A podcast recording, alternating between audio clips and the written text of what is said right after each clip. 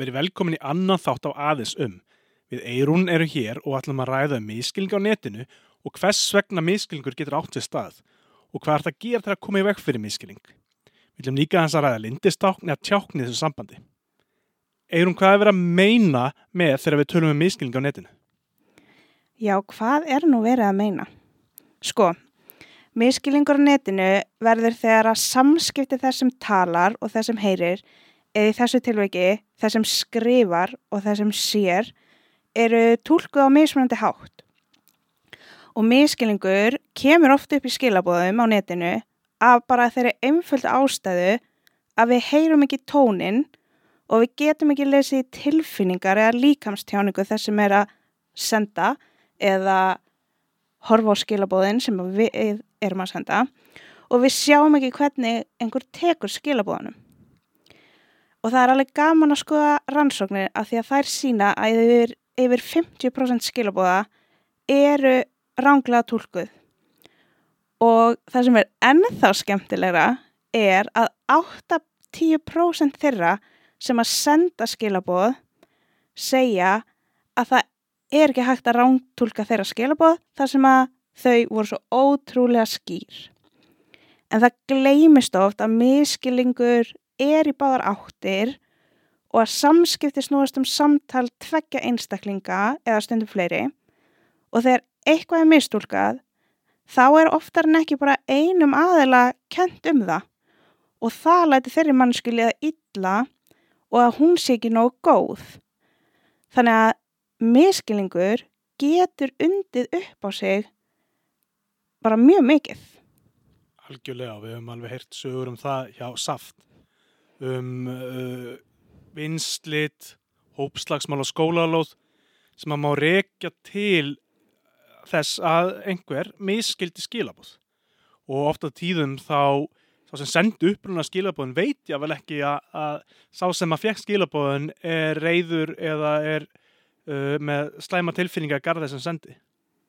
Já, af því við ræðum ekki og við spurjum ekki spurninga og við erum svolítið hrætt við það að spurja ef að við telljum að eitthvað eigi að tólka eitthvað í skilabóðum en erum ekki alveg viss, þá látum við að slæta eins og maður segir frekar en að spurja bara er það þetta sem þú ert að meina?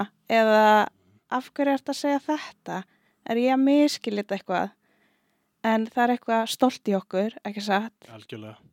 sem að e, verður þess valdandi að við erum ekki að spurja þessara spurninga. Og stundum þá þegar við lesum svona skilabóð þá taka tilfinningarna yfir. Reyðin tekur yfir og, og þetta verður svo, við upplöfum þessu vá, þessu augljós hvað manneskjan er að reyna að segja. En við erum bara, þetta er tólkun í okkar eigu höfðu og stundum er, erum við með svona innri rött sem er stundum neikvæð. Og eigum þá, ég vil vona á einu allra vesta. Já, uh, svo er það náttúrulega ef maður fær einhver skilabóð og tólkar þau einhvern veginn og maður er kannski ekki alveg sáttur, fer kannski í vörð, emitt, lætur tilfinningarnar, hlaupa með þessi í gönur að maður fyrir að slúðura um skilabúðin án þess að hafa þann sem að sendir þau með í samtalenu. Þannig að þá eins og það nefndir áðan með eitthvað sem gerast á skólalóð uh, sem var miskilingur þar sem að einhver fjekk ekki að vera með emitt í þessu og allt í hennu var hann mættur í einhver slagsmál af því að hinn aðlega var búin að bera út að þessi sagði þetta við mig og nú er við bara að fara að slást. Nákvæmlega, nákvæmlega. Þannig að það getur líka verið mjög hættilegt að vera að slúðra um eitthvað sem að er að veita manni reyði án þess að vera búin að spurja út í það. Af því þetta er svo erfitt, við sjáum ekki líkamstjáningu og sjáum ekki, vitum ekki, þetta er svo miklu auðveldur að þegar að við erum hliðin á einhverjum að ræða málinn. Nákvæmlega og líka það sko ekki bara slúðra sko við einu okkar heldur maður sér maður endalust æmum um þetta á samfélagsmiðlum að þetta sett, sett, sett skilabóðin eru sett á ofinbara Facebook-grúpu eða dreif, dreifingu Instagram þannig að hver sem er getur séð þetta. Einmitt, það er oft verið bara hérna, eins og til dæmis kommentakerfi eða Twitter eða eitthvað svoleis það er svona vettvangu þar sem að fólk er að rífast og miskilja hvert annað alveg svakalega og er ekki að spurja og líka það þekki kannski ekki mannskjörnar sem það er að rífast við og hefur ennminni löngun til þess að leiðrétta miskilning. Mm Og maður, maður sér ótt að kannast, ef fólk kannast við það að, vera að rífast við en svo, og þetta er orðið bara rosa, svona, rosa stór miskinn en svo komumst við að því að við erum raun og verið sammála. Já. Það er alveg klassist og þetta er orðið bara rosalega mikið á netinu. Mm að fólk er bara að rífast um jável, uh, e, rífast um eigin miskilling Já. en svo eru komin, komin ný tæki til að hjálpa ykkur skilja betur en eru, eru þannig kannski til traffala en það eru lindistaknun Já, einmitt. Uh, það er oft verið að segja að maður einu bara að hendi eitt broskall Nákvæmlega. og ég ger það nú alveg stundum til þess að svona, uh, sérstaklega, ég veit ekki hvað er, en ég er meira að senda broskall þegar það er svona eldra fólk. Það veit fá broskallin. Nákvæmlega.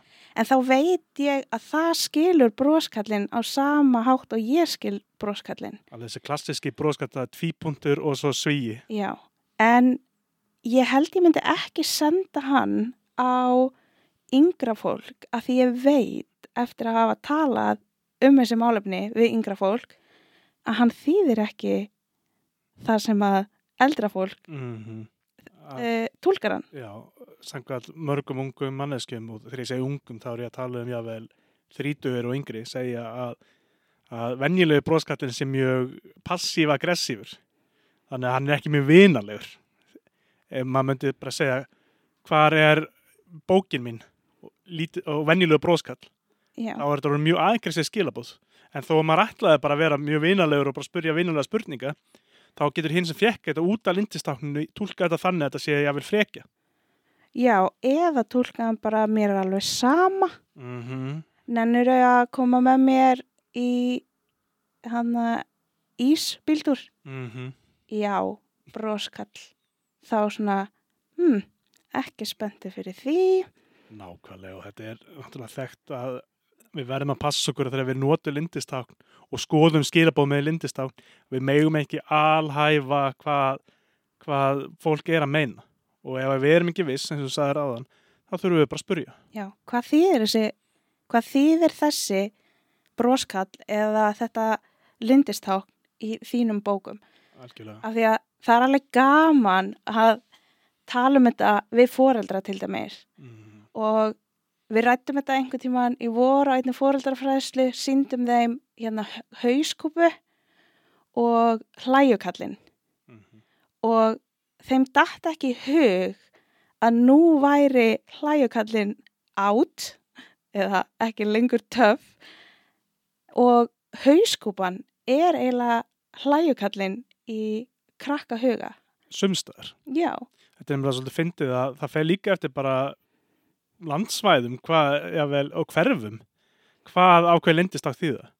Ganga svona í tískubilgi og til dæmis að nefndir hlæjukallin uh, það er svona fræ, með frægu miskilningur ekki bara á Íslandi, þetta er líka Erlendis er að það sem að mörg okkur ka- kalla sko grátkall tólka margir sem hlæjukall já, þannig að maður getur rétt ímyndað sér þann miskilning að, að, að, að þegar fólk fær innan gæsalapa vittlus skilabóð eða vittlus linditá já og sum lindistákn eru þannig að það er mjög erfitt að sjá munin eins og það er til dæmis tveir broskallar sem eru með tár og annar þeirra er með sinn litla munn upp mm. þar sem hann er glaður með tár sem er svona æ, ó þetta er æði. Gleðitárin. Já, en hinn er vákvæmi þykir þetta leðalegt mm -hmm.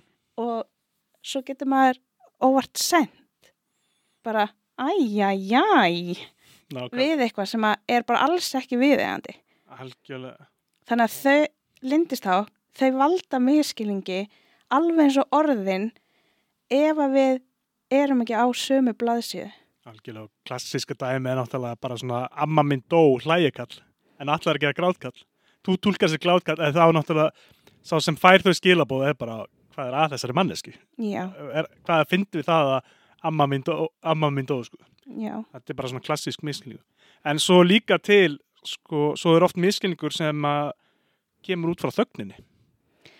Já, hún getur verið svolítið erfið og sérstaklega fyrir börn. Uh, að þögnin, hún getur verið, já eins og segir, mjög miskilinn og það skiptir svo miklu máli að kunna aðeins að býða. Algjörlega. Af því að börn fara oft og bara við líka en kannski börn sérstaklega að tólka þögnina sem eitthvað ákveð. Já, hann vilji ekki svara mér, er að hundsa mig. Já, er hann hættur að vera vinu minn? Mm -hmm. Og við ræðum að stundum að við erum kannski farin að búa til eitthvað í hausnum á okkur og svara sjálfum okkur þegar við fáum ekki svarið út af þögninni. Og þá erum við ekkert endilega að meina þögnina við að hafa sett eitthvað sín eða eitthvað þannig. Heldur bara uh, einhver svara mér ekki í klukkutíma sem er vanur að svara mér strax eða á þessum degi. Og þá er allt í einu komin upp miskilningur. Stórmálstöðum. Já. Og bara af því ég tók dæmi um íspíltúrin á þann. Mm -hmm. Ef ég myndi senda þér nennir íspíltúr í kvöld og þú myndir ekki svara mér og ég eftir kannski svona þrjá klukkutíma og ég var ekki búin að fá svar ég myndi senda eitthvað vá, þú veist vákort leðilegur eða hérna, jájá, erum við ekki vinir lengur Og einmitt, svo getur bara ástæðan verið að ég hef verið á jarðaför og ekki kveikt á símanum. einmitt. Og krakkar gerir sér ekki alltaf grein fyrir þessu. Og það er mjög mikilvægt að gefa þeim dæmi um hvað getur verið í gangi hjá fólki ef að það er ekki að svara. Mögulega er einhver bara lélegur að svara. En einmitt, svo geta krakkar verið á æfingu. Og þeir geta verið að læra eða á einhverjum fjölskyldi viðburði eða mögulega síminn batterislaus Mm -hmm. og jafnvel er búið að gera hann upptækan út af einhverju vesinni en einhverju vinir vita það kannski ekki. Algjörlega. Og svo er náttúrulega líka, sko, getur náttúrulega bara gerst að svo eru bara sömur, seimhugar. Sjá skilabóðun, ég ætla að hugsa sem með sér, ég ætla að svara á eftir og gleyma þið. Já, það þarf ekki að vera að gera stórmál út af því. nei. Og það, þau þurfa, eða þú veist bara allir, þurfa að kunna að býða aðeins. Mm -hmm. En auðvitað ef það er ekki búið að svara eftir tvo daga eitthvað, þá má alveg senda vinlega skilabóð eitthvað, sástu skilabóðin mín, eitthvað, mér langar rosa, þú veist að við fyrir mig í spiltúl eða eitthvað svo res. Algjörlega. og og ég, einmitt, og börn tala svolítið um að hérna, önnur börn séu kannski að spamma skipa vinum sínum fyrir Já, þessi komin náttúrulega kröfur að allar ekki svara að, sva strax. já, allar ekki að svara mér? Mhm. og hvað læra börn þegar að þau þurfa alltaf að vera að svara strax? Þau læra bara að þau þurfa alltaf að vera til taks við síman og það er bara alls ekki gott. Algjörlega og bara mikil pressa og, og maður er oft talað um unglinga sem upplega það að það sé sko vaknasundu við skilabóð það sem er búið að reynlega bara senda þeim skilabóðum 2-3 nótt og svo bara skýtkast af hverju þetta ekki svara mér hana? Er þetta hunsa mig? Hann er bara svona rökræður við sjálfa sig jável og, og krakkar upplega bara vá þarna brást ég reyna sem vinnur já, að því ég svara ekki um miðja nótt. Nákvæmlega.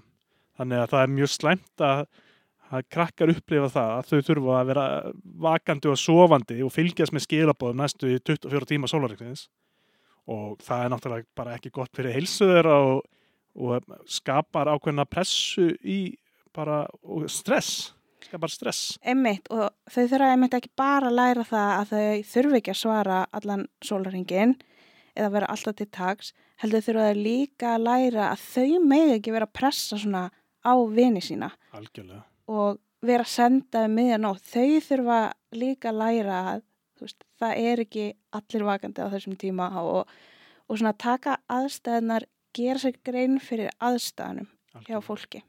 og, einmitt, og ekki mála skrattan á vegg eins og sagt er og búast henni versta að ég vil hugsa bara ef einhver besti vinuðin svaraði ekki hugsa frekar bara já hann er líklega á æfingu eða já, heimsókni á ömmu sinni eða eitthvað svoleiðis staðin fyrir að fara beint í uh, ég held að hann hati mig núna Já. Og hvernig getum við svona reynd að laga þetta? Við þurfum að spyrja spurninga. Mm við þurfum, ef, ef okkur grunar bara eins og við myndum ef við skiljum ekki eitthvað verkefni í skólanum þá kannski réttu upp hönd og spyrjum er ég að skilja þetta rétt, þú veist, á ég að gera þetta svona, -hmm. að þá getum við alveg spurt. Þú veist, við erum vanlegast bara að tala við vinn okkar. Mhm. að mestu leiti og það er ekki hættulegt að spurja spurninga. Það kemur í veg fyrir miskilning og þetta að kunna býða, gera sér grein fyrir aðstæðum annara